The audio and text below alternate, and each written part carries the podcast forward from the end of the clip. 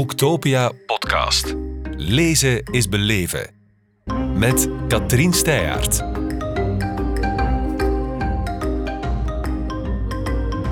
Welkom Deborah Seimus. Hallo, dag Katrien. Jij bent freelance journalist. Ik zag de laatste tijd artikels van jou passeren over verkeersongevallen, de zin en onzin van verzekeringen, maar daar gaat dit boek, 50 piemels later, duidelijk niet over. Was het dan een soort uitlaatklep? Goh, dat is een goede vraag. Ehm, een uitlaatklep denk ik enerzijds wel, want het is zelfs een deel therapie voor mij geweest om deze boek te schrijven. Um, 50 piemels later gaat eigenlijk over uh, mijn seksueel leven van mijn 15 jaar tot mijn 31 ongeveer. Um, ik heb een redelijk traumatische jeugd gehad. Daar ben ik ook heel eerlijk over. En dat heeft er eigenlijk voor gezorgd dat ik seks op een ja, niet altijd op een positieve manier heb ervaren. Daar spreek ik ook heel open over in het boek. Je hebt het Laat... soms ook als een middel gebruikt, zeg je, om, om, andere, om een gemis in te vullen. Ja, Zeker. En ik, ja, ook om verdriet te verhullen, om uh, aandacht te krijgen op de foute manier, om afleiding even te hebben van de gedachten en de emoties in mijn hoofd. Ja. ja. Dus die 50 piemels zijn letterlijk 50 piemels die gepasseerd zijn. Ja, dat klopt inderdaad. Oké, maar die ervaringen was, waren zoals je zegt niet altijd even fijn. Nee, want het grappige is als mensen uh, mijn boek nu zien, dan denken ze, oh, dat is eigenlijk hè, Fifty Shades of Grey. Het zal wel veel seks erin voorkomen en er komt zeker ook een deel seks in naar voren. Maar het boek is ook gelaagd doordat het gaat over relaties, over mannen die dat ik ben tegengekomen dat geen goede intenties hadden, over um, mannen die, die eigenlijk zichzelf helemaal niet goed kenden en dus ook niet wisten of dat ze, um, wat dat ze aan mij moesten geven of konden geven.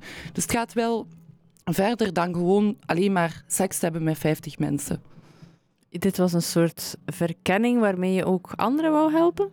Ja, dat is uiteindelijk echt de bedoeling van mijn boek. Want ik geloof dat er meerdere meisjes of vrouwen zijn die ook dingen zoals mij hebben meegemaakt, die ook ooit verkracht zijn geweest, die ook ooit een abortus hebben moeten ondergaan, um, die ook iemand, uh, een vriend misschien, of iemand in de familie zijn tegengekomen die licht grensoverschrijdend gedrag vertoont. Um, en ik heb wel geleerd door die 50 mannen dat een negatieve ervaring met seks of met liefde in een klein hoekje kan zitten. Dus ik hoop inderdaad uh, ja, jonge vrouwen daar toch mee te kunnen bereiken die ooit iets in die trant hebben meegemaakt. En wat, wat, hoe wil je hen helpen? Wat zeg je in het boek waar ze kracht kunnen uitputten? Um, ik geef inderdaad een aantal tips mee. Ik ga ze niet allemaal... Uh, nee, nee, je hoeft niet alles te verklappen, maar nee. wel een tipje van de sluier oplichten. Uh, zeker. Ik denk dat het grootste genezingsproces of, of de grootste um, manier om normaal met seks om te kunnen gaan is zelfliefde. Vanaf het moment dat ik mijzelf echt volledig heb geaccepteerd, en dan bedoel ik dus innerlijk en uiterlijk, is die stap naar heling ook gemakkelijker en is de stap naar vrije seks ook veel makkelijker geworden voor mij. Als sta je onder vrije seks? Uh, vrije seks kan dat is voor iedereen anders. Ik, ik uh, voor de duidelijkheid, ik, allee, ik ben een monogaam persoon. Uh, maar voor um, iemand anders kan dat bijvoorbeeld betekenen dat je echt over seks leert te praten met je partner. Want dat gebeurt nog altijd heel weinig in Vlaanderen, dat koppels met elkaar echt spreken over seks. Dat is voor mij ook open. Mhm. Open zijn in een relatie. Dus je hoeft niet per se een andere man of een andere vrouw op te gaan zoeken om echt open te zijn over seks. Mhm. Maar je hebt wel je hebt wel zelf een soort experimenteerfase gehad. Hè. Het zit ook Absoluut. in het boek. Uh, ja. uh, trio's, uh, BDSM, het komt aan bod. Ja, klopt, inderdaad. Had je nood om toch het hele scala eens uit te proberen? Ja, voor mij persoonlijk is dat echt nodig geweest om te weten wat ik fijn vind en wat ik niet fijn vind. Um, ik zeg ook altijd tegen mensen van, doe vooral niks waar dat je je niet goed bij voelt. Dus als jij zoiets hebt van, ah, moet ik nu BDSM proberen? Nee, zeker niet. Maar als je daar voelt dat daar een interesse in zit, dat, daar, ja, dat je hart daar toch een klein sprongetje bij maakt, dan zou ik zeggen, probeer dat zeker te verkennen, die kant wat er in jou zit, maar doe dat wel onder veilige omstandigheden. En wat zijn veilige omstandigheden? Wel, um, ik zou altijd aanraden om uh, een condoom te gebruiken en om anticonceptie te gebruiken, uh, want anders dan kan er wel eens iets misgaan. Um, en voel ook goed aan met wie dat je experimenteert. Um, er is helemaal niks mis met one night stands, absoluut niet. Dat heb ik zelf ook gedaan. Maar het probleem daarmee is wel dat je vaak niet weet met wie dat je in bed ligt. En vaak voelt je de volgende ochtend een beetje gegeneerd of uh, toch niet zo goed op je gemak. Um, dus probeer echt even in te checken met jezelf voordat je met iemand naar bed gaat of voordat je seksuele handelingen stelt. Voel ik mij hier echt prettig bij? Voel ik mij veilig bij die persoon? Ik denk dat dat echt een heel belangrijke is om dat te hm. doen. Dat neem je wel mee uit het boek, vind ik. Stel je grenzen. Ja, absoluut. Dat dat ook een sleutel is tot Zeker. een goede seksuele beleving. Absoluut. En liefde bij uitbreiding, ja, ja, inderdaad. ik. Relaties. ja, ja, helemaal gelijk in. Absoluut. Is dat iets waar je bent achtergekomen mede dankzij het schrijven van dat boek? Um, deels door het schrijven van het boek en deels door het experimenteren met de mannen in mijn leven. Dus het is wel zo natuurlijk, de eerste keer dat je grensoverschrijdend gedrag of misbruik meemaakt, is dat heel heftig en je weet niet hoe dat je daarmee moet omgaan. Um, als dat een keer later nog eens gebeurt en je hebt ondertussen therapie gehad, je hebt daar met vrienden over gesproken, je bent daar open over geweest en je bent dat boek aan het schrijven, is het echt gemakkelijker om grenzen te stellen. Want um, ja, het boek kon ook rekenen op veel media-aandacht in Vlaanderen. En niet iedereen onthaalde dat met uh, evenveel positieve reacties. En ik word niet iedereen bedoel je betrokkenen? Of? Uh, de betrokkenen niet zozeer, maar eerder gewoon de, de man die dat ik in de supermarkt tegenkom, bijvoorbeeld vorige week. En die mij dan aanspreekt en zegt van, ah, ik vind dat echt niet kunnen dat je als vrouw over seks spreekt. Um, ik kan op dat moment kan ik wel zeggen van, ah, oké, ja, dat is fijn dat u dat vindt, maar ik ga toch blijven doen wat ik doe.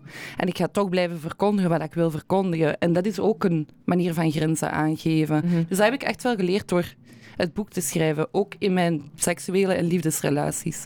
Ja. Het lijkt me nogthans, ja, het lijkt me tegelijkertijd ook een, een, heel kwetsbaar proces. Je hebt het zelf al heel even aangeraakt in het begin van het gesprek. Je hebt een, een abortus gehad, je bent ook eens verkracht geweest. Klopt. Hoe schrijf je daar in godsnaam over? Uh, in mijn geval was dat op een berg in Portugal in een huisje waar dat het binnenregende. Terwijl dat de tranen ehm, echt over mijn wangen liepen, dagenlang wel. Dat is een heel moeilijk proces geweest. Want voor het boek te schrijven ben ik echt terug in mijn geheugen moeten graven en moet je die herinneringen terug naar boven brengen van hoe is dat effectief ook alweer gebeurd? Wat is daar Je moet eigenlijk die film terug afspelen. Exact, exact. Zo is het inderdaad. Alles in jou zegt, we gaan dat niet doen. inderdaad. Alles in mij zegt, ik wil daar absoluut niet meer terug naartoe. Maar ik wist, als ik het wil brengen zoals ik het wil brengen, en dat is gewoon pot eerlijk, dan zal ik er toch terug naartoe moeten gaan. Want wat, ja, wat is dan het hogere doel, bij wijze van spreken, dat je voor ogen hebt? Je hoeft jezelf niet zo te martelen als het zo moeilijk is, hè? In principe niet, maar als ik wil dat ik oprecht en authentiek overkom aan andere mensen en erin geloof dat door het boek te schrijven, dat ik daar eventueel iemand anders mee kan helpen, een jonge vrouw of, of een jonge gast die, die dat ook iets hebben meegemaakt, dan is het wel belangrijk dat ik daarbij het verhaal ook eerlijk vertel, zoals dat is geweest. En om dan belangrijke details achterwege te laten, of zeker pijnlijke details, ja, dat past niet bij mij. Ik zit zo niet in elkaar. Ik vertel het verhaal volledig of vertel het niet. Oké, er zijn twee standen. voilà. um, maar heb je inderdaad dan al zulke reacties gehad van mensen die zeggen, ja, voilà, je hebt mij hier echt mee geholpen? Ja, die heb ik inderdaad al gekregen. En dat is echt, ja, ik kan u echt zeggen, dat is heel fijn. meestal via social media krijg ik die. Maar ja, ik heb uw boek gelezen en uh, eigenlijk toen ik de titel las, dacht ik dat het veel meer over seks ging gaan. Maar het boek ging veel dieper dan dat en ik heb daar zo ongelooflijk veel aan gehad. Dank je wel.